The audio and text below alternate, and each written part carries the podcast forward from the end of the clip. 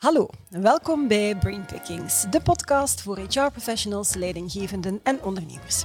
Mijn naam is Leslie, founder van Zigzag HR en elke week kruip ik in het hoofd van mijn centrale gast om daar ideeën, inspiratie, best en next practices te stelen waar jij mee aan de slag kan in jouw organisatie of in jouw HR-team.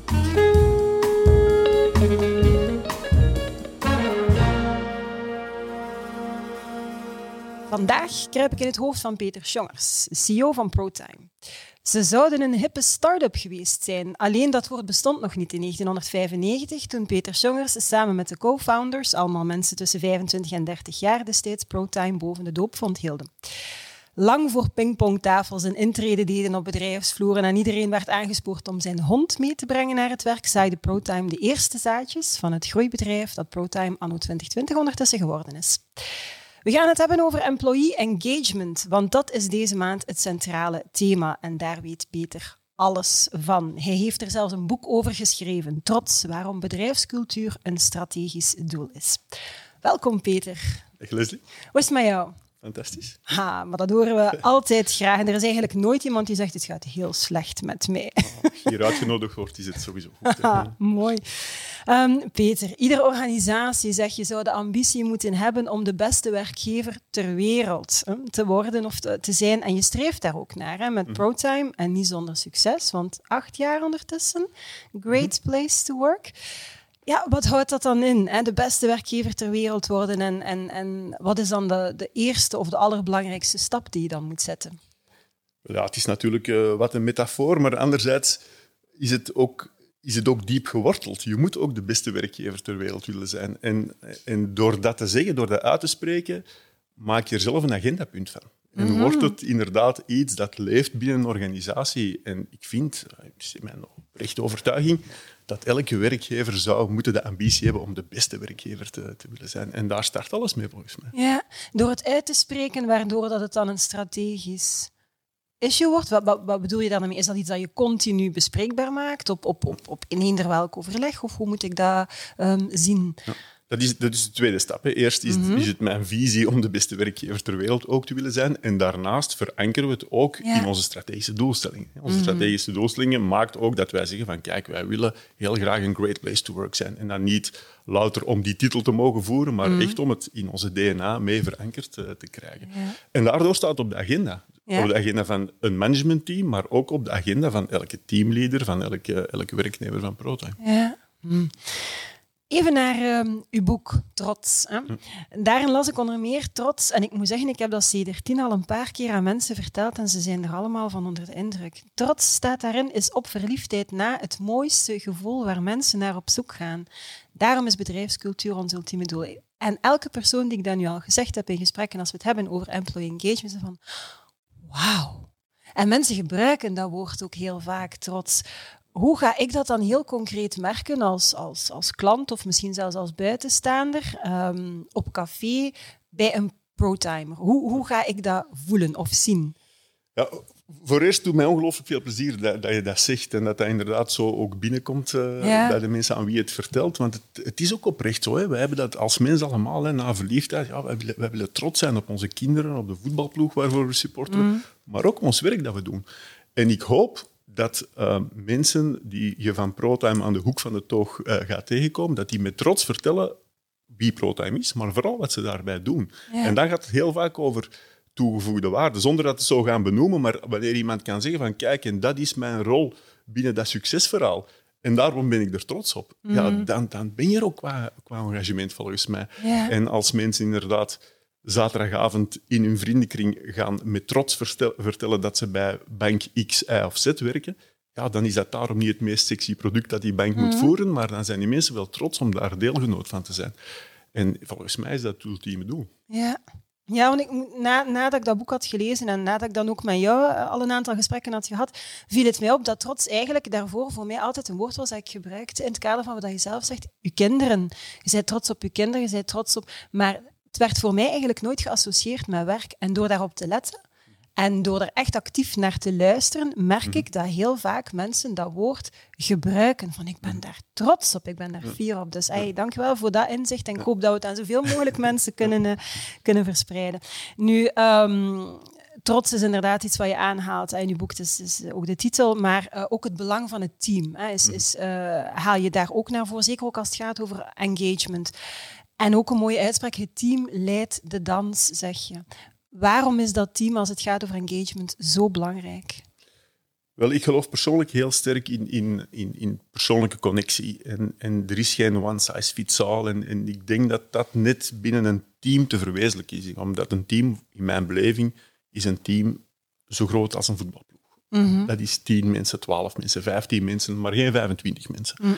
En ik denk van het moment dat je een team hebt waar je met een tiental mensen samenwerkt, ja, dan ken je elkaar. En dan zit de veerkracht ook in zo'n team. Want niet iedereen draait altijd op. Hè. Er zijn mensen die het is privé wat moeilijker hebben of professioneel wat moeilijker hebben. Maar dan ga je merken van het moment dat zo'n team een samenhang heeft, dan zit die veerkracht in dat team. En ik geloof ook echt dat dat niet alleen is om die klant beter te bedienen, maar ook om die werknemer beter te bedienen. Mhm. Omdat ik geloof dat, dat dat veel verder gaat dan, dan strategie bijvoorbeeld, of dat strategy execution, hè, wat nog erger is. Maar dat dan inderdaad je veel meer met talenten kan gaan bezig zijn, want je krijgt veel meer aandacht en tijd voor aandacht. Zo'n teamleader die 15 mensen moet leiden of 10 mensen moet leiden, ja, die heeft tijd om naar die talenten van die mensen op zoek te gaan.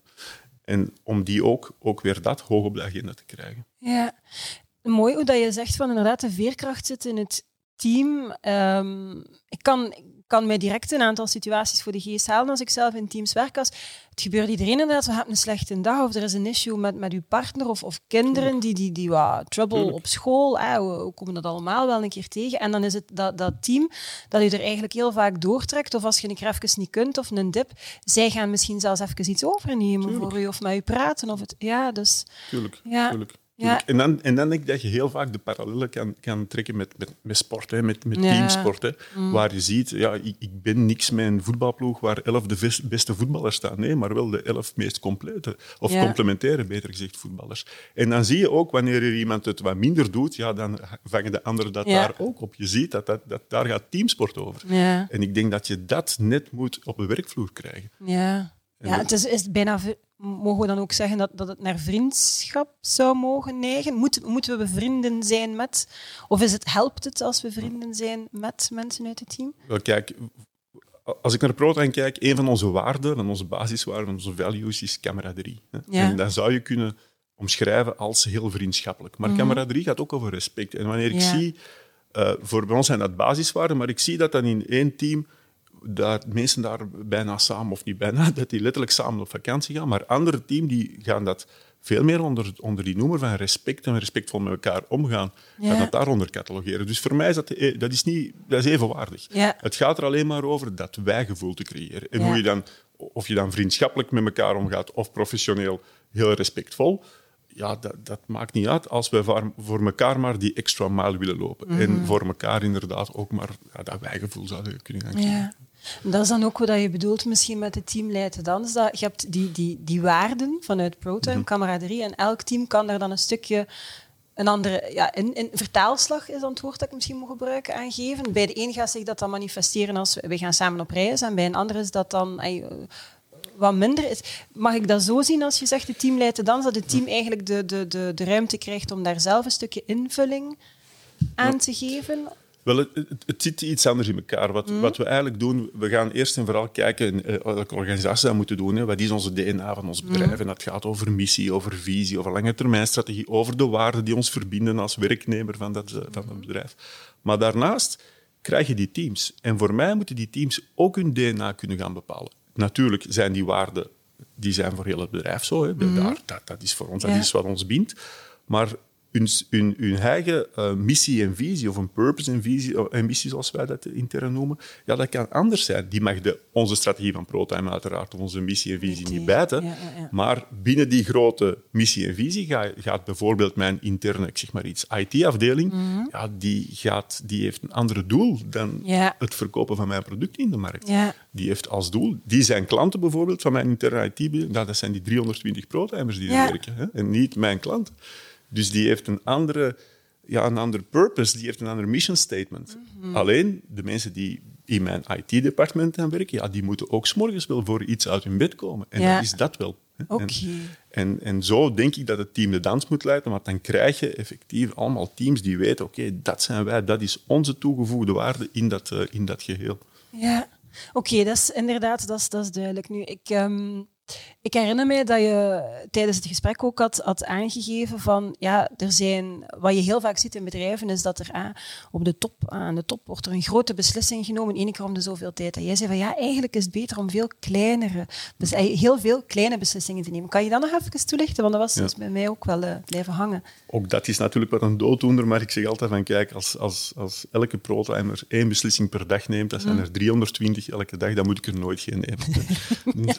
En dat is inderdaad waar, waar ik wel naar streef. Ik, ik, ik streef ernaar dat er heel veel beslissingkracht bij die mensen en dus ook in die teams vooral zit. Omdat zij het best geplaatst zijn om beslissingen te nemen. Het zijn die teams die dichtste bij mijn klanten staan, dus die de beste beslissingen kunnen nemen voor die klant. Ja. En of dat nu een interne of een externe klant is, dat moet daar gebeuren. En dat zie ik heel vaak mislopen in bedrijven. Je ziet heel vaak dat er inderdaad aan de top beslissingen worden genomen, grote beslissingen, lang over nagedacht, dus we kunnen er zeker vast niet meer op terugkomen. Mm. En dan gaan we die door de organisatie duwen met Excel en PowerPoints en weet ik wat allemaal. Ja. Maar eigenlijk zie je dan dat daar volgens mij de, de, het disengagement van de mensen, dat ligt aan de basis. Dat ligt mm. Want mensen die zijn er alleen maar dan om beslissingen uit te voeren. Ja. En dat is niet zo motiverend, denk ik. Nee, nee, absoluut niet. En als je wat je daarnet zei, dus je hebt eigenlijk allemaal en de, de, de teams die hun eigen purpose hebben, um, mag niet bijten, hè, zei je, met, met het grote verhaal. Heb daar toch een mooie metafoor uh, voor. Ik herinner me iets met schepen. ja. Zeg, Sahitjar is ook een metafoor van een zeilschip, daarom dat ik dat onthouden heb waarschijnlijk. ik, ik, ja, dat is, het is onze uitdaging natuurlijk, hè, om zo snel en zo agiel mogelijk te blijven, terwijl we wel een groeibedrijf zijn. En ehm, ik zeg altijd van, kijk, wij moeten een armada zijn van kleine bootjes en niet één grote olietanker. En dat is natuurlijk om, om, ja, om, om, om, heel duidelijk te maken dat we een genetwerkte organisatie moeten zijn. Hè, want dat is uiteindelijk wat we willen, willen doen. Een netwerk of teams, hè, dat, dat willen we gaan opbouwen. Mm En ik zie inderdaad die armada zo uh, voorbij komen. Ehm, je bent een, uh, een pleitbezorger van emotioneel recruteren. Nu binnen HR midden ze van emotioneel intuïtie, gaat toch niet op je intuïtie gaan? Dat verhaal is natuurlijk wel wat genuanceerder uiteraard dan dat, maar wat bedoel je precies met emotioneel recruteren? Ik, ik vind vooral dat ze het niet mogen vergeten in het recruteren, hmm. om ook emotionaliteit toe te laten. En dat is wat ik helaas ook wel vaak zie mislopen, dat mensen gewoon geworven worden op een heel duidelijke functieomschrijving mm. en op een heel duidelijke cv. En daarom worden ze vaak geworven. Maar ik denk dat wanneer je zelf weet wie ben je als bedrijf, je kan dat uitleggen, en wie ben je als team, je kan dat ook uitleggen, ja, dan de volgende stap is om te zien van kijk, de persoon die ik dan voor mij heb, past die effectief in dat team? Is dat mhm. de speler die ik nodig heb om mijn team beter te maken? En niet gewoon de beste speler op die plaats. Ja, ja. En dan denk ik, of, of, ik probeer intern altijd te zeggen, we werven veel mensen aan, zeg ik altijd van, kijk, als er voor u iemand zit waarvan je denkt dat je die altijd zou aanwerven wanneer het je eerste werknemer, werknemer zou zijn, dan moet je dat doen.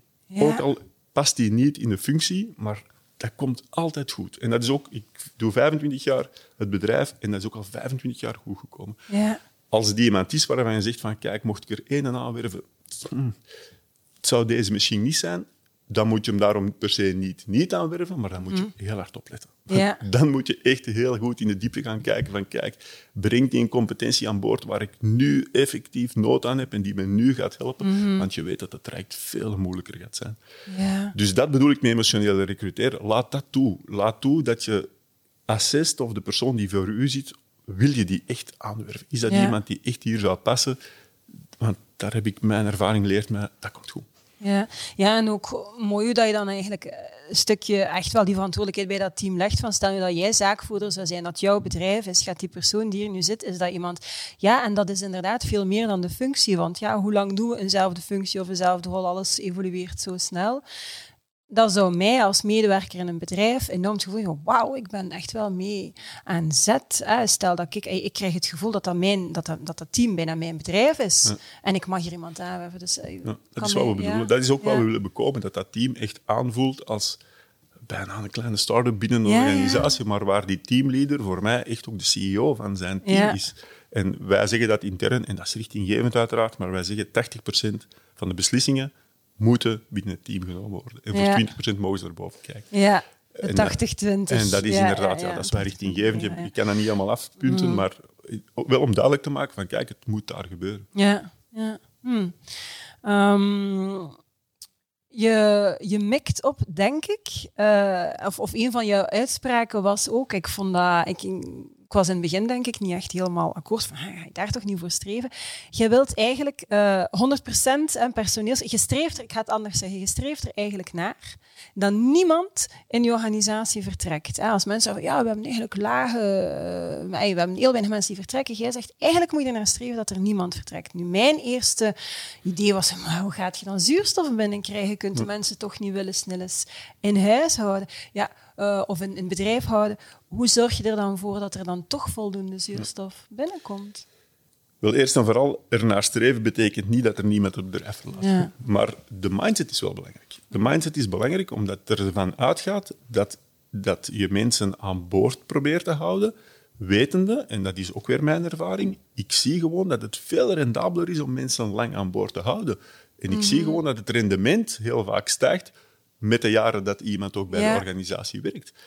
Dus ik hoop dat er zoveel mogelijk mensen blijvend bij het bedrijf werken. Daar streef ik naar. Mhm. Natuurlijk, om dan zuurstof te krijgen, we zijn bevoordeeld, want we zijn een groeibedrijf. We werven ja. 30, 40, 50 mensen per jaar aan. Dus dat is, geeft sowieso... Je krijgt die zuurstof inderdaad op die manier. Maar toch, wat we vooral ook omarmen, is interne mobiliteit. En doordat je natuurlijk zo sterk op die teamwerking zit, en dat die teamwerking zoveel autonomie krijgt, ja, van het moment dat iemand van team verandert, dan komt hij bijna in een volledig andere omgeving. Omdat net daar ook zoveel uniciteit zit. Ja. Dus je krijgt automatisch zuurstof door inderdaad ook van team te veranderen. En dat is iets wat we heel sterk uh, ja, motiveren. En daarnaast, maar dat is dan... Uh, ze vinden dat misschien niet zo leuk, maar maak ik er zelf wel een sport van om, het, om het, de organisatie heel vaak door elkaar te husselen en, en leidinggevende te veranderen. En, net dat om, om te zorgen dat mensen inderdaad niet... Uh, we doen het zo omdat het altijd zo was gevoeld. Ja, ja, ja. Want ik ging eigenlijk nog vragen, hoe, hoe zorg je dan als ze zo lang in je, in organisatie blijven dat ze niet vastroesten, maar als je, als je ze inderdaad systematisch, als je de, de, de boel een beetje door elkaar uh, schudt, shaking things up in HR ben ik dan direct aan het denken. Dat is ook weer een, eh, een, een, een, eh, een baseline van, van, van zich, HR. Maar dan ga je hen eigenlijk ja, stimuleren op een toch positieve manier om ja. in beweging ja, te blijven. En, en het is zelfs omgedraaid. Ik vind, of, of ik, ik, ik ervaar dat het niet over stimuleren gaat, maar de mensen willen niet vastgeroest zijn. het merendeel van de mensen wil niet vastgeroest zijn. Alleen door onze zeg maar, hiërarchische organigramcultuur die in vele bedrijven zit, maakt dat mensen vastgeroest zijn. Maar die willen dat niet. Dus als ik een, een omgeving kan creëren ik moet mensen niet motiveren om niet vastgeroest te zijn. Ik moet gewoon zorgen dat de omgevingsfactoren van die aard zijn dat mensen die natuurlijke flow willen gaan, eh, gaan vinden. En ik zie dat dat ook gewoon gebeurt. Mm. Ik zie mensen die al heel lang bij ProTime werken. Um, nog niet zo lang als ik zelf, maar toch kort bij. Want wij hebben inderdaad mensen die, die, die, die twintig jaar en langer bij ons werken. Dus van, die, van bij de start en die bedrijven ook helemaal hebben zien veranderen. En die er ook telkens een andere rol hebben moeten in vinden. Ja. Maar dat is ook dat is ook goed, hè? dat is toch fijn dat je dat, je dat kunt zeggen. En, en zolang dat we met z'n allen dan denken van kijk, we zijn van toegevoegde waarde voor elkaar, ja, dat is. Ja, ja. Ja, dat, dat, is engagement. Hè, van ik, toegevoegde waarde. De, de, het, ik, ik, ik sta op en ik ga naar het bedrijf en ik heb, het, ik heb goesting om naar het bedrijf. Ik ben trots dat ik naar dat bedrijf mag gaan, maar dat je dan ook naar huis gaat met het idee van ik, ik, ik, heb, iets, mhm. ja, ik heb iets bijgedragen. Dat heeft hier wel zin ook gehad. Absoluut, hè? Ja, absoluut. absoluut. Maar dat is het probleem ook volgens mij van een, van een organigramorganisatie is dat dat mm. heel vaak een organisaties zijn waar mensen onderbewust vaak, hè, maar die komen binnen en die zeggen al, oh, wat moet ik doen om de volgende stap te kunnen zetten? Want aan die volgende stap, dat is helemaal des duivels dan, hangen ook nog ah, andere loonkwalificaties aan. Hè, of een andere wagen of weet ik wat. Dus je, je wordt helemaal gebiased uh, daardoor. Stel je voor dat dat helemaal weg is en je moet mensen inderdaad gaan verlonen, ook straks op toegevoegde waarde, dan krijg je een helemaal ander... Dan gaat het niet over KPI's en mhm. over procedures en over rapporteringslijnen. Nee, dan gaat het over wat is mijn toegevoegde waarde? En als je dat wil ontdekken, dan gaat het per definitie over talent en over welke talenten wil ik aanscherpen, wat wil ik leren. Want al wat ik leer, kan ik daarna niet toegevoegde waarde gaan gebruiken. En, en als we daar naartoe gaan, dan denk je helemaal anders over een organisatiestructuur, volgens mij. Moet je dan het organigram gewoon afschaffen? Of, of wat ga je dan in de plaats? Ik vind dat wel, ja. ja, ja. Ik vind dat wel. Ik vind dat, uh, ik vind dat een organigram um, een vals gevoel van veiligheid geeft voor heel veel bedrijven. En ik denk dat afschaffen is natuurlijk makkelijk gezegd. Ja. Er moet iets anders voor in de plaats komen. Maar ik zie dat wij, dat wij een managementteam hebben en daaronder hebben we alleen maar een, de, de, de teams, het netwerk van de teams. En volgens mij is zoals wij het nu doen, schaalbaar tot, en als ik dan wiskundig doorreken, tot 660 werknemers. En als mm. dat niet meer voldoende is, dan moet ik er één manager bij, bij creëren. Mm. En natuurlijk ga je dan misschien cluster krijgen of weet ik wat, maar je gaat anders denken over zo'n organisatie. En niet een, een, organisatie die helemaal uitgetekend is en waar allemaal lines en erger nog dotted lines beginnen op te staan. Mhm. Ja, een vals gevoel van veiligheid, maar misschien inderdaad ook een manier om zich een beetje weg te steken. Dan, uh, of de paraplu open te trekken af en toe, uh, als, als je zo die... die um, ik vermoed dat, dat velen het met u eens zijn dat het, dat het niet meer het juiste model is vandaag, maar dat de meesten echt wel aan het struggelen zijn van ja, wat zet ik dan in de plaats? Ja hoe ga ik daar naar gaan, gaan zoeken? Ik dacht um, in Paul uh, van den Bos zijn boek, uh, die ook de link legt tussen sport trouwens en, en, en bedrijfsleven, een sociogram heeft naar voren geschoven. Ik ga, ik ga er binnenkort een keer op ingaan, maar ik vond het verhaal dat erachter zat, mhm. leunt een beetje aan bij, denk ik, wat dat jij hier uh, wil zeggen. Maar ik, ik ga het eerst opzoeken vooral dat ik het wereldkundig maak. dat ik zeker uh, de juiste dingen benoem. Nu, ja, ProTime is gelijk aan tijdsregistratie. Um, dat is binnen HR niet het meest sexy domein, dus we moeten het sowieso over de prikklok hebben.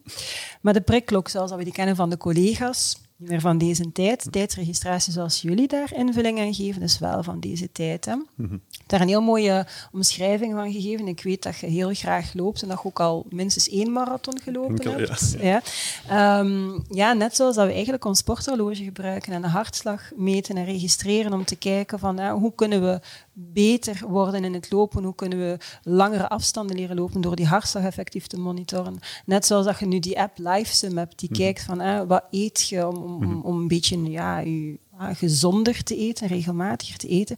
Ja, op dezelfde manier kun je met data omgaan. Uh, en dan krijg je eigenlijk een ganz ander verhaal. Ik zou graag hem dat je dat zo toch eens, eens, eens toelicht, want dat, dat is iets fundamenteel anders dan hoe mensen, veel mensen vandaag de dag, nog naar die prikklok kijken. Ja. weet je wat, we, we, we, zijn daar niet echt geholpen door de laatste jaren, de historie van de laatste jaren, want het was bon ton om, om de de priklok dan als des duivels te omschrijven. En we waren ook fantastisch bezig met de nieuwe HR. Wanneer we die tiklok afschaften, dan waren we vooral goed, uh, goed bezig. Hm. Maar op zich is dat natuurlijk ook maar een symbool uh, geworden van mensen die alleen maar verloond gaan worden of aangemoedigd worden om een bepaald aantal uren gaan te doen. Hm. Dat is inderdaad niet meer, denk ik, van deze tijd. Of zeker en vast al niet bij kenniswerkers. Maar natuurlijk is het ook wel zo dat je data wel kan gaan gebruiken. En dat is niet iets dat ik heb uitgevonden. Ook in geneeskunde doet men dat, mhm. ook in sport uh, doet men dat. En dan denk ik van, kijk, als je daar nu gewoon eens van een afstand naar kijkt, en ik werk met allemaal kenniswerkers, alleen maar kenniswerkers, wanneer ik nu weet op voorhand, of wanneer ik het weet wanneer een van mijn medewerkers elke week opnieuw, ik zeg maar 45 uur moet werken om zijn doelstellingen te halen, om zijn werk gedaan te krijgen, whatever, dan moet ik dat niet correct vinden. Ik moet dat niet goed vinden. Meer nog, ik moet proactief op die man kunnen toestappen of vrouw kunnen toestappen en zeggen van kijk, is dit oké? Is dit tijdelijk omdat je aan een bepaald project werkt? Want als dat helemaal ingebed zit in je job, moeten we er iets aan doen. Ja. Iedereen die vandaag in het char zit en die miskent dat er, we een probleem hebben van disengagement, een probleem met burn mm. burn-outs, burn ja, die zit niet op zijn plaats in het HR. Het is mm. wel degelijk een probleem.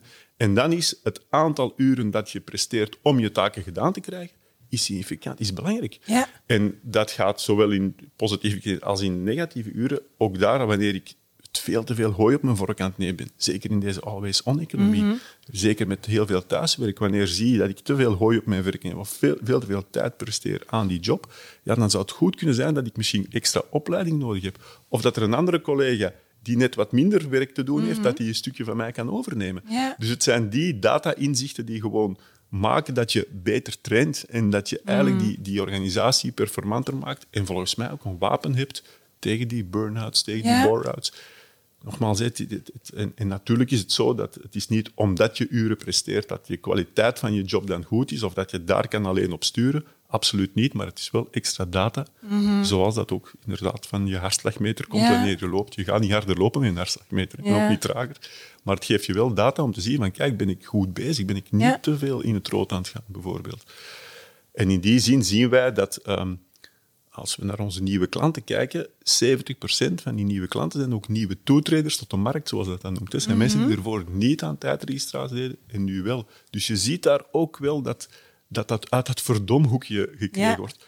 Maar ik moet eerlijk zeggen, aan de hoek van een toog moet ik dan nog altijd het meeste ja, uitleggen. Ja, ja, ik kan, ik dus- kan me dat in, daar hangt zo nog altijd Ja, er blijft altijd nog zoiets uh, iets rondhangen. Ja, maar ik, ik, volg, ik volg het volledig. Uh, volgens mij zijn metaforen daar ook zeer handig in om dat concreet te maken. En je kunt wel zeggen aan iemand van ja, maar we kunnen data ook voor andere dingen voor burn Ja, ja, dat zal wel. Maar als je dat heel concreet maakt aan de hand van een sport en zo heb je nog heel veel andere voorbeelden dat je kunt aanhalen, dan ik vind een metafoor altijd een heel krachtige manier om, om je punt over te brengen. En dat komt veel minder. Ehm, ja, veel minder aanvallend mhm. over, veel minder bevattelijk over. En als je dan weet wat de interessesfeer is van de persoon van je gesprekspartner, ja, dan mm kun je eigenlijk op zoek gaan naar de metafoor die zich mm daar best toe, uh, toe leent. Oké, ehm, ja, ik denk los van het feit dat sowieso iedereen uw boek moet lezen. Ik heb het uh, heel snel gelezen. Um, het was uh, op een plek waar ik normaal gezien on onderlijn ik ook heel veel. Ik had, ik had niks bij, dus ik heb overal ezelsoortjes en er zaten er veel aan. Dus ik, ik heb het heel graag gelezen. Dus ik denk los van het feit dat iedereen volgens mij dat boek moet, uh, moet lezen, wil ik, uh, wil ik jou heel graag bedanken dat ik, uh, dat ik in jouw hoofd uh, mocht kruipen. Tenzij dat jij nog graag iets wil, wil, wil meegeven met de wereld, dat je zegt van ik heb nog één ultiem statement, Leslie, dat dat iedereen moet, moet weten. Nee, ik heb geen ultiem. Ik vond het heel fijn om hier te zijn sinds Leslie. Dank ja. voor, voor de uitnodiging ook. En, ik, vind, ik vind het fijn dat mensen zoals, zoals jij ook met een andere kijk naar die, naar die HR-wereld. Dat hebben we ook wel echt nodig, denk ik. We moeten het niet goed vinden dat er zoveel niet geëngageerde mensen elke mm. dag naar hun werk moeten gaan. En ik denk dat, dat we daar met z'n allen, die mensen die dan in HR zitten, dat we er met z'n allen moeten, uh, moeten aan gaan werken. En dan begint alles bij het willen zijn van de beste werkgever. Ja, mooi. En dat brengt ons terug naar het begin nu. Uh, in ieder geval goed nieuws als je zegt van er zijn meer mensen nodig. Het aantal abonnees op zich, zeg jaar, stijgt nog altijd enorm. Dus dat wil zeggen dat veel mensen dezelfde mening uh, hebben als, als jij daarin. Dus dank je wel dat ik, uh, dat ik in jouw hoofd mocht, mocht kruipen. Dank je wel ook aan, aan jullie om te kijken of om te luisteren. Ook volgende week kruip ik natuurlijk in het hoofd van een centrale gast. En ik ga deze keer niet verklappen in wiens hoofd dat is. Dus als je dat wilt weten komen, dan zal je maar de volgende keer moeten intunen. Abonneer je daarom zeker op deze podcast of op dit YouTube-kanaal. Heb je honger naar nog meer? Surf naar onze website. Abonneer je op ons tijdschrift. Altijd een goed idee. En het aller, aller, allerbelangrijkste, wat je nooit mag vergeten als HR-professional: it's a great time to be in HR. Tot volgende week.